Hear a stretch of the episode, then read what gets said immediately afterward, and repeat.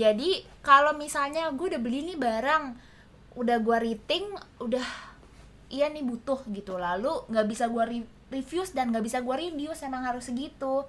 Dan kebetulan kemasannya belum ada nih alternatif yang either gue bisa recycle atau gue bisa kompos. Jadi mau nggak mau ketika gue masih butuh ya gue harus uh, replace dong barang itu dengan Ya. yang baru gitu kan. Jadi em, nah untuk barang-barang seperti ini selanjutnya tuh kita bisa eh, coba mengulang lagi proses 6R ini 6R ini untuk menentukan solusi alternatifnya gitu. Apakah kita masih butuh dengan keadaan yang sekarang tahap yang sekarang ataupun kita bisa reuse barang lain dengan eh, fungsi yang mirip atau fungsi yang sama ataupun bisa beli dari penyedia lain yang kemasan atau materialnya lebih ramah lingkungan gitu. Jadi em, kita juga selalu berinovasi ya. Kayak di Jakarta sekarang juga makin banyak barang-barang yang alternatif dari barang-barang kebutuhan sehari-hari buat rumah atau buat perawatan pribadi itu lebih ramah lingkungan lagi dari segi bahannya, dari segi kemasannya, dan dari segi cara menjualnya. Mungkin dia lokal, eh, dibuat de- dari pengrajin lokal, Ya. dan juga mungkin juga punya nilai lebih gitu ya. Ya. Nah, untuk konsep yang kedua itu kita ada hierarchy of needs. Jadi kalau misalnya hierarchy of needs ini ya kan kita meskipun sudah melakukan rating, reviews, reduce, reuse, repurpose, terus recycle sama rot ya seperti yang tadi lu mention di akhir there are some products yang kita itu butuh new maksudnya kita emang butuh, butuh tetap beli butuh gitu ya. beli Hmm. gitu kan nah sebenarnya ini another konsep juga sih yang bisa kita practice juga ketika memutuskan untuk membeli memproses kita untuk uh, proses uh, untuk membeli gitu. Yang tadi kan kalau kita bilang rethink di pause dulu deh. Di pause dulu coba dianalyze dulu gitu. Dengan bio bio buyer ba- gimana sih nyebutnya? Dengan hierarchy of needs. Mungkin hierarchy nah. eh, jarang yang belum pernah denger ya. Jadi sebenarnya hierarchy of needs itu ini hierarki plesetan. hierarki hierarki belanja Iya, plesetan dari hierarchy of needs dari eh, diagramnya Iya. Maslow. Abraham Maslow. Cuman ini dijadikan eh, hierarki untuk membeli atau mengkonsumsi Belanja. barang gitu. Jadi em, kontennya, speknya itu adalah pertama use what you have, and then kalau you don't have that thing, you can borrow atau rental. Jadi bisa pinjam atau nyewa. Lalu setelah mengconsider borrow atau nyewa tapi nggak ada lu bisa swap barter. Barter lalu kalau masih nggak ada juga lu bisa thrift. Jadi thrift itu lu Beli beli se- second. sesuatu yang second gitu kan. Lalu kalau secondnya pun nggak ada lu bisa bikin sendiri bahkan gitu. Terakhir baru dari opsi-opsi ini kalau nggak ada lu baru beli gitu. Beli jadi beli itu adalah opsi terakhir. Kalau lu Ya. nggak bisa ketemu nih yang lain-lainnya yang eh, dibanding beli baru itu lebih ramah lingkungan gitu ya. ya ya ya, ya. jadi ini sebenarnya lebih kayak alat penyaring ya sebelum kita mau beli atau konsumsi baik produk jasa informasi yang yang tadi yang kita nggak bisa eliminate melalui proses 6 R's itu sebenarnya atau ngebantu kita ketika dalam proses mereduce menjalani si 6 R's ini kan Benar-benar ketika benar. kita mesti beli gitu jadi yang pertama apa use what you have Use what you have, benar. Jadi use what you have ya simply lu pakai dulu nih barang yang lu udah punya. Jadi again kayak in order for us to go eh, apa untuk menerapkan gaya hidup sta- sustainable itu nggak harus lu beli barang yang baru yang yang dicap sebagai eco friendly atau Iyo. barang yang kayak wah ini nih reusable nih Eh, tapi lu bisa mulai dengan menganalisa barang-barang apa aja yang lu udah punya lalu lu pakai dulu sampai dia udah gak bisa dipakai lagi gitu kan. Jadi sebenarnya ini nggak mudah khususnya untuk barang-barang yang eh, follow trend atau ngikutin tren misalnya kayak gadget-gadget elektronik fashion gitu ya. Jadi contohnya kayak seberapa banyak orang sih yang sekarang tuh pakai HP beneran sampai bobrok gitu HP-nya sampai udah nggak bisa pakai lagi. Pasti kan by the time eh, beberapa tahun setahun dua tahun udah ganti Ah, iya. karena udah udah ada yang baru dengan eh, fitur-fitur yang lebih bagus gitu kan tapi Tapi biasa udah sebenarnya lemot juga sih dua tahun tuh biasa udah lemot gitu yang kayak ya ini hang gitu kan udah Iya, tapi sebenarnya ini sangat logis sih. Using what you have, eh, itu cara yang paling obvious sih untuk menyelamatkan sumber daya Ya. gitu dan juga ya kalau memang kita nggak nggak usah beli ya good for us juga kita nggak usah ngeluarin uang itu gitu kan Betul. Terus opsi yang keduanya itu adalah pinjem atau rental gitu kan. Nah, ini banyak banget sebenarnya case-case yang udah mulai banyak eh, sewain ya kayak misalnya baju gitu Hmm. kan. Eh, karena gue gimana ya caranya gue masih bisa ngikutin tren tapi gue nggak perlu terlalu belanja terlalu banyak. Udah banyak nih service-service kita bisa sewain ba- sewa baju gitu. Atau zaman dulu gitu gue sewa komik ya Allah. Sewa zaman- DVD ya dulu sewa ya.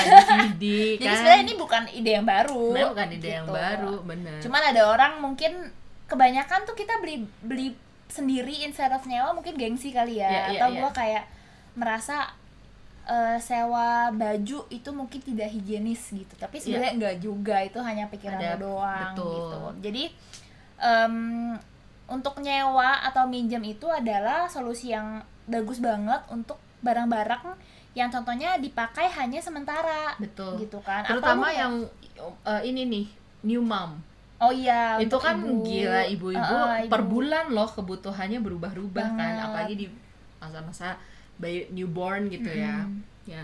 Untuk alat-alatnya eh, baju-bajunya stroller tempat tidur dan lain-lainnya. Jadi hal-hal yang memang kita tahu akan dipakai sementara aja dan eh, barang itu sebenarnya bisa dipakai lebih kalau misalnya kita juga punya kenapa kita nggak sewain juga ke orang ya, kan? Atau iya, pinjemin eh, ke orang itu bener gitu. loh. It, that that's actually ada eh, apa kom ya maksudnya udah ada platformnya udah ada startupsnya Hmm. yang buat uh, new moms. Jadi daripada dia belanja gitu ya beli semua alat itu punya sendiri akhirnya nyewain antar komunitas itu. Dan yang nyewain bisa dapat fee bisa dapat pemasukan lebih juga. Dan another thing itu juga menarik banget karena namanya sharing ekonomi sharing ekonomi karena itu menarik banget karena dia eh, di satu sisi kan ada mungkin yang kebutuhannya untuk jaga panjang tapi kan belum tahu nih gue gue mau compare dulu nih produk yang merek ini sama produk yang merek ini bagusan yang mana. Kalau misalnya nggak dicobain eh, ke anaknya gitu kan takut nggak serek kan jadi bisa dulu nyewa dulu misalnya sebulan yang ini sebulannya ini buat jadi kayak comparison gitu loh. Ya, ya. jadi kayak oh gue yang ini sih yang lebih baik daripada gue buat gue terus baru beli si produknya. Bener sih Ada jadi kayak kayak gitu. sama halnya kayak lu beli kendaraan pasti lu test drive dulu dong. Ya ya ya, kan? Mau motor mau mobil atau lu kayak lagi mengeksplor hobi baru nih gitu. Terus misal lu mau coba belajar gitar gitu daripada lu apa em, langsung beli ya kan nyemplung dengan komitmen yang lu udah beli gitu barangnya mendingan kenapa lu nggak coba dulu pinjam punya orang lu ngetes dulu apakah eh, lu bisa stick to Ya. that hobby or not gitu kalau nggak kan akan berakhir jadi sampah juga Sa- gitu di iya. kamar lu kan ya. jadi eh, nyewa dan pinjam itu sebenarnya taktik yang lumayan cerdas gitu. dan untuk lo berproses juga sebenarnya gue butuh apa enggak Benar. karena gitu. sering kali kan kita ya itu lagi emotional decisions gitu kan Iya. mungkin saat itu rasanya seperti butuh tapi sebenarnya kita nggak butuh-butuh banget tapi ketika once we can use the products terus kita realize oh sebenarnya gue nggak perlu beli kok gitu loh Contohnya lagi nih nih yang sering juga terjadi sama gue ya. Jadi kayak ketika kita beli baju, dulu tuh gue shopaholic banget. Dan ketika gue beli baju, itu gue kayak suka overestimate komitmen gue ke baju itu. Jadi pas gue nyobain, padahal kayaknya agak kesempitan nih, gitu kan? Agak kesempitan, tapi kayak ah bisa akan nih kurus tiga bulan lagi dua bulan gue udah lagi lagi program diet gue akan kurus nih bisa nih kalau kurusan satu setengah kilo lagi muat nih akhirnya gue Iya, beli iya, dulu sengaja untuk apa mendorong diri gue Iya, sendiri iya, supaya iya. dietnya lancar kan tapi ternyata nggak lancar gitu Iya, misalnya iya, iya, jadi iya, iya, kebayang. malah ya ya berakhir eh, Jadi sampah, tragis juga gitu nggak kan. pernah jadi benar. Gitu. Jadi em, intinya dengan sewa atau pinjam itu kita bisa mengkonsumsi barang yang tidak menggunakan sumber daya baru dan ya nggak semua harus dimiliki lah ya. Nah, Iya. yang kedua, eh yang ketiga, yang ketiga adalah swap. Swap itu kayak barter ya. Hmm. Eh, jadi konsepnya itu kalau misalnya kita punya barang eh, sebelum kita beli, ya mungkin kita bisa tukeran dulu sama teman kita yang membutuhkan, eh yang mungkin memiliki barang yang kita butuhkan, dan vice versa mereka juga membutuhkan barang yang kita miliki yang sudah tidak kita butuhkan lagi gitu loh benar jadi kita bisa uh, uh, apa do barter ini gitu Iya. Sebenarnya kayak sebelum uang diciptakan itu orang-orang tuh barter. Iya kayak iya, gue punya tomat lu punya terong ya kita Iya, tukerin tukeran aja gitu aja, daripada gue makan tomat tiap Iya, hari lu iya, makan terong tiap hari kan? iya, exactly. gitu. Jadi sebenarnya udah bukan eh, apa inovasi yang groundbreaking gitu. Nah kalau untuk swap sendiri barter sendiri itu di sekarang sih di Jakarta memang paling banyak tuh baju ya gitu paling gampang jadi udah kayak ada komunitas-komunitasnya Betul, kan tukar baju. ah, kayak arisan swapping gitu Benar. Jadi kayak kalau lu punya teman atau lu punya saudara yang mungkin body type-nya mirip gitu atau selera fashionnya mirip, bisa juga tuh barteran ya kan. Jadi lu bisa punya baju baru tanpa harus beli gitu. Jadi atau sekarang misalnya nih kayak eh, saudara gue demen banget gaming gitu. Mungkin dia lagi ngidem untuk beli eh, apa? game konsol terbaru sedangkan temennya dia juga mau nih beli game konsol terbaru ya ternyata dia punya. Nah, kenapa nggak barter aja gitu Iya. saling nyobain ya kan? Iya, iya, bener Biar nggak bosan. Jadi em, ya intinya barter juga bisa jadi opsi lah ya selain dari minjem ataupun sewa. Ya, gitu. ya, ya, ya. Nah, ini yang berapa nih? Keempat ya. Ya. Opsi yang keempat itu bisa thrift. Jadi thrift itu adalah kita membeli tapi beli barang yang bekas Hmm. gitu, nggak baru ya, bekas pakai ya. Jadi ini juga lumayan eco friendly sih karena sebenarnya daripada kita beli barang yang baru yang menggunakan sumber daya baru untuk memproduksinya, membuatnya, kita beli barang yang udah ada gitu. Jadi nggak turut mempromosikan eh, over consumerism gitu. Ya. Nah, beli barang second hand sendiri itu selain ramah lingkungan ya juga lebih lebih murah sih ya jatuhnya ya. Hal-hal apa aja sih yang biasanya lu thrift gitu ya? Eh, dulu tuh gue pernah beberapa kali ya ke pasar Senen. No, iya, iya, pasar iya. Senen kan dulu lumayan banyak banget jual eh, baju second ya, baju bekas gitu. Jadi eh, selain baju biasanya lu bisa thrift itu yang sering itu adalah kendaraan, ya kan? Lu beli mobil second atau lu beli motor second gitu.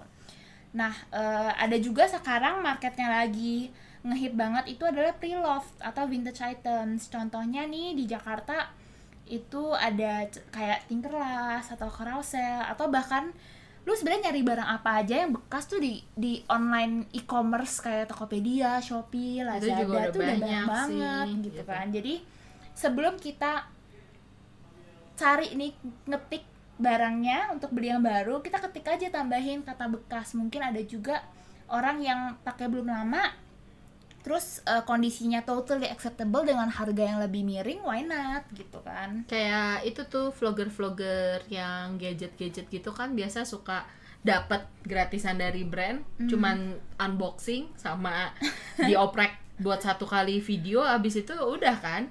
Akhirnya sama mereka dijual. Nah itu tuh kualitinya masih bagus tuh bisa tuh di aja biasanya ya, mereka bisa punya loh link-linknya. Eh eh, barang bekas unboxing dijual Iya. di link gitu. Coba dicek deh Sip, sip, sip. Nah, selanjutnya lagi nih, kalau ternyata lu udah nyari yang bekas nggak ada yang cocok, coba deh buat sendiri gitu ya.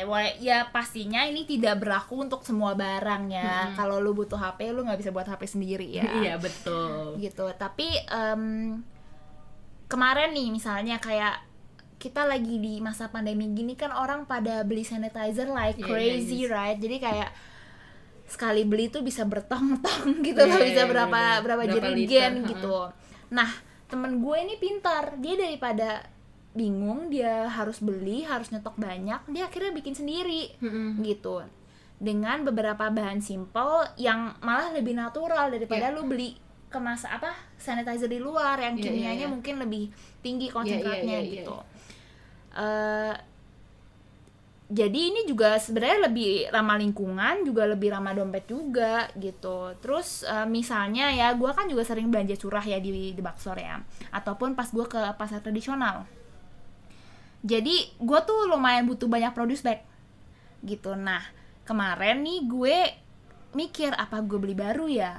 Beli baru tapi sebenarnya nggak gitu murah juga gitu ya karena gue butuhnya banyak gitu toh kenapa gue nggak pakai eh, sisa-sisa kain dulu pas zaman Iya, gue iya, masih anak fashion gue jahit aja jadi produce bag kan nggak nggak- nggak susah gitu kan jadi eh, gue bikin sendiri akhirnya dengan costnya zero Iya. tidak tidak gue nggak usah bayar apa pun gitu kan Tapi sebenarnya balik lagi ya, dulu mungkin kita masih punya kelas-kelas PKK, ingat nggak sih belajar jahit, Iya. belajar masak. Ya menurut gue that's the life skill yang sering banget dilupain gitu loh di masa-masa sekarang ini. Kayak udah makin jarang banget kan di antara kita yang masak, yang bisa jahit gitu kan. Eh, menurut gue ya bisa aja kita belajar, tapi at the same times kita bisa juga sih kayak misalnya ada tukang jahit sekitaran rumahan gitu kan juga Iya, iya, ada iya. ibu-ibu gitu kan kita bisa minta tolong jahitin sama mereka gitu. Ya supporting local economy juga sebenarnya ya nih contohnya kemarin juga kayak em, lagi pandemi kan nggak bisa keluar ngafe ya Mm-mm. terus lagi ngetren dalgona coffee nih akhirnya Oh, iya, bikin iya, sendiri iya, iya, gitu bener, kan bener, jadi bener, bener. sesuatu yang lu sebelumnya nggak bayangkan diri lu buat sebenarnya bisa dengan susah gitu sebenarnya menarik ya kayak apa yang kita pelajari maksudnya selama selama covid ini Hmm. we appar- we explore skill skills yang di luar dari yang dulu bayangan kita kayak benar uh, start cooking, start doing crafting and making our own things, Iya, DIY. terus gitu mulai kan. gardening di rumah Mulai sebagai gardening. terapi karena bosan. Iya betul kan? Ya, Iya, jadi emang ini kayak um, making stuff itu memang heaven sih buat orang yang berjiwa crafty gitu. Gue termasuk lumayan crafty Dan sih, gue suka juga. Iya. banget ha-ha, untuk bikin-bikin barang sendiri. Kayak dan ada kebanggaan. betul. Kayak itu tuh beda banget ya meskipun gue misalnya em, kayak waktu itu gue ngebikin kad- ya, kayak kado aja. Gue tuh suka gue emang ya kita crafty ya jadi gue tuh suka bikin kayak homemade cardnya eh, kartu ucapannya atau bahkan boxnya atau apa bahkan some of the eh, kadonya itu gue bikin sendiri. Itu gue suka banget gitu kan. Kayak ya lah bikin salt buff bath Hmm, salt bath gitu salts, bath salt gitu kan gampang banget sebenarnya Iya, iya, kan iya, iya, iya. jadi Dan kayak sebenarnya and that's special gitu kan gue benar-benar bisa kayak wholeheartedly I pour into that gifts Hmm. gitu kan dan dan gue bangga gitu ketika gue ngasih ke temen gue gitu jadi rasa-rasa kebahagiaan itu sih ya sebenarnya dari proses Benar. Jadi intinya we can make more things than we imagine. Iya. Nah, baru yang terakhir, once Hmm. everything you've tried and you cannot, baru terakhir Baru dibeli. banget itu adalah beli. Dan beli pun Dan itu beli pun tetap dengan konsid- konsiderasi yang luar biasa gitu ya. Ya, Jadi eh, pastinya ya tetaplah kita harus perhatikan dari segi kualitas barangnya. Dari tadi ya sempat kita ngomong apakah udah kebayang belum akhir hidupnya bakal Ya. kita recycle atau kita kompos. Lalu misalnya eh, terbuat dari material apa atau misalnya ini barang-barang yang akan diserap kulit lu ya kayak perawatan pribadi itu alami nggak? Hmm. Karena kalau nggak alami buat kulit lu itu juga nggak akan alami untuk ekosistem air kita gitu kan. Jadi em, terakhir baru kita diperbolehkan beli diperbolehkan beli tapi dengan eh, syarat-syarat itu juga gitu tapi ya balik lagi ya ini kan semua banyak banget Hmm. nih informasinya ya. We we need time to di- untuk mengunyah ini semua. Terus nggak bisa juga kayak semua langsung diterapin dalam kehidupan kita. None of us also uh, bisa achieve ini semua 100% juga ya it's not gitu about kan. ini bukan either Bukan nol atau 100 competition, sih Heeh, benar. jadi ini semua kayak kita mencoba hari demi hari untuk menjadi Better. lebih sadar lagi dalam konsumsi kita better. Nah mungkin untuk ngebantu itu bisa aja tuh bikin si daily journal gitu. Hmm. Jadi daily journal of what you do, what you consume. Nah dari situ kan bisa diassess. Aku udah improve atau belum ada atau apa yang aku mesti dikurangin karena kayak ya kan masa pandemi ini mengubah banyak hal lah ya kayak sometimes hal-hal yang dulunya gue bisa eliminate untuk nggak gue consume di masa sekarang mau nggak mau gue terpaksa gue harus consume terutama yang terkait terkait uh, single use gitu kan atau in uh, package yang lebih bisa tahan lama kayak kaleng-kaleng gitu. Nah tapi at the same time juga uh, ya itu gue masih mengakses juga karena sering kali jangan ini sih uh, apa kita suka ngejudge terlalu menjudge diri kita sendiri gitu loh. Ah gue Iya. gagal dong. Ah gue nggak improve. Ah gue kemarin aja anget-anget gitu kan. Sekarang aja udah udah ini udah melempem gitu. Jadi ini semua proses nggak bukan berarti dalam tiga bulan terus lu sempurna setahun lu sempurna lu yang masih perjalanan 10 tahun 20 tahun juga masih seperjalanan Toh zero waste itu jangan salah ya, bukan kayak gambaran blogger-blogger luar negeri yang lu hanya menciptakan sampah sebanyak Satu satu, kaleng gitu ya. Itu enggak itu impossible ya. Jadi ini semua adalah journey eh, yang lu nggak bisa compare sama orang lain. It's your own journey gitu. Ya. Jadi eh, tadi ya tips dari kita, eh, lu bisa coba konsep 6R, lu bisa coba konsep yang hierarchy, lu juga bisa coba mulai dengan eh, buat jurnal jurnal keseharian lu tuh lu konsumsi apa aja gitu kan jadi lu beli apa aja lu ngambil apa aja lu bisa cek tas lu ternyata kok gue pergi dengan tas yang isinya 5 item pulang-pulang 10 item limanya apa tuh? Iya, gitu iya, kan ya kan? Jadi em, kebanyakan karena konsumsi keseharian kita tuh udah menjadikan apa udah jadi habit udah jadi kebiasaan yang kita we don't think twice ketika kita ngambil atau ketika kita beli gitu. Jadi perlu take a step back untuk kita ngeri-assess itu dengan sesuatu yang eh, mirip jurnal itu gitu nah eh, itu sih ya tips dari kita ya. Ya. jadi memang tadi kalau di kehidupan kita sehari-hari konsumsi kita itu udah kebanyakan tuh kebiasaan gitu. Kalau kita stres kita belanja atau kalau kita lagi eh, apa malah pelariannya ke retail ataupun malah beli makanan gitu ya. Jadi sesuatu yang udah di alam bawah sadar ngebuat kita mengkonsumsi itu eh, kita mulai buka mata ya dengan apa yang kita konsumsi sehari-hari dengan bisa mencatatnya bisa juga mulai lebih peka lagi. Ya ya ya ya gitu. Jadi em, it's a start. Ya bahkan ya itu bisa ya menjadi start untuk kita memahami uh, siapa diri kita apa isu-isu internal kita loh. Kayak kadang balik lagi kita suka konsum karena emosi gitu kan. Iya, kayak gue gue masih emotional eater gitu. Kayak itu tuh ngaruh banget oh apa nih yang nge-trigger gue? Oh ternyata ada kejadian ini jadi gue mengkonsumsi lebih banyak. Jadi sebenarnya doing this conscious consumption kenapa sebutannya conscious? Karena dimulai dari ya kesadaran itu dulu ya dan kesadaran diri dulu dan baik lagi diri kita ini nggak cuman compartmentalize dengan our daily activity, our work aja, tapi juga eh, kita menjadi bagian dari alam, tapi juga ada isu mental health-nya juga, ada isu spiritualnya juga gitu kan.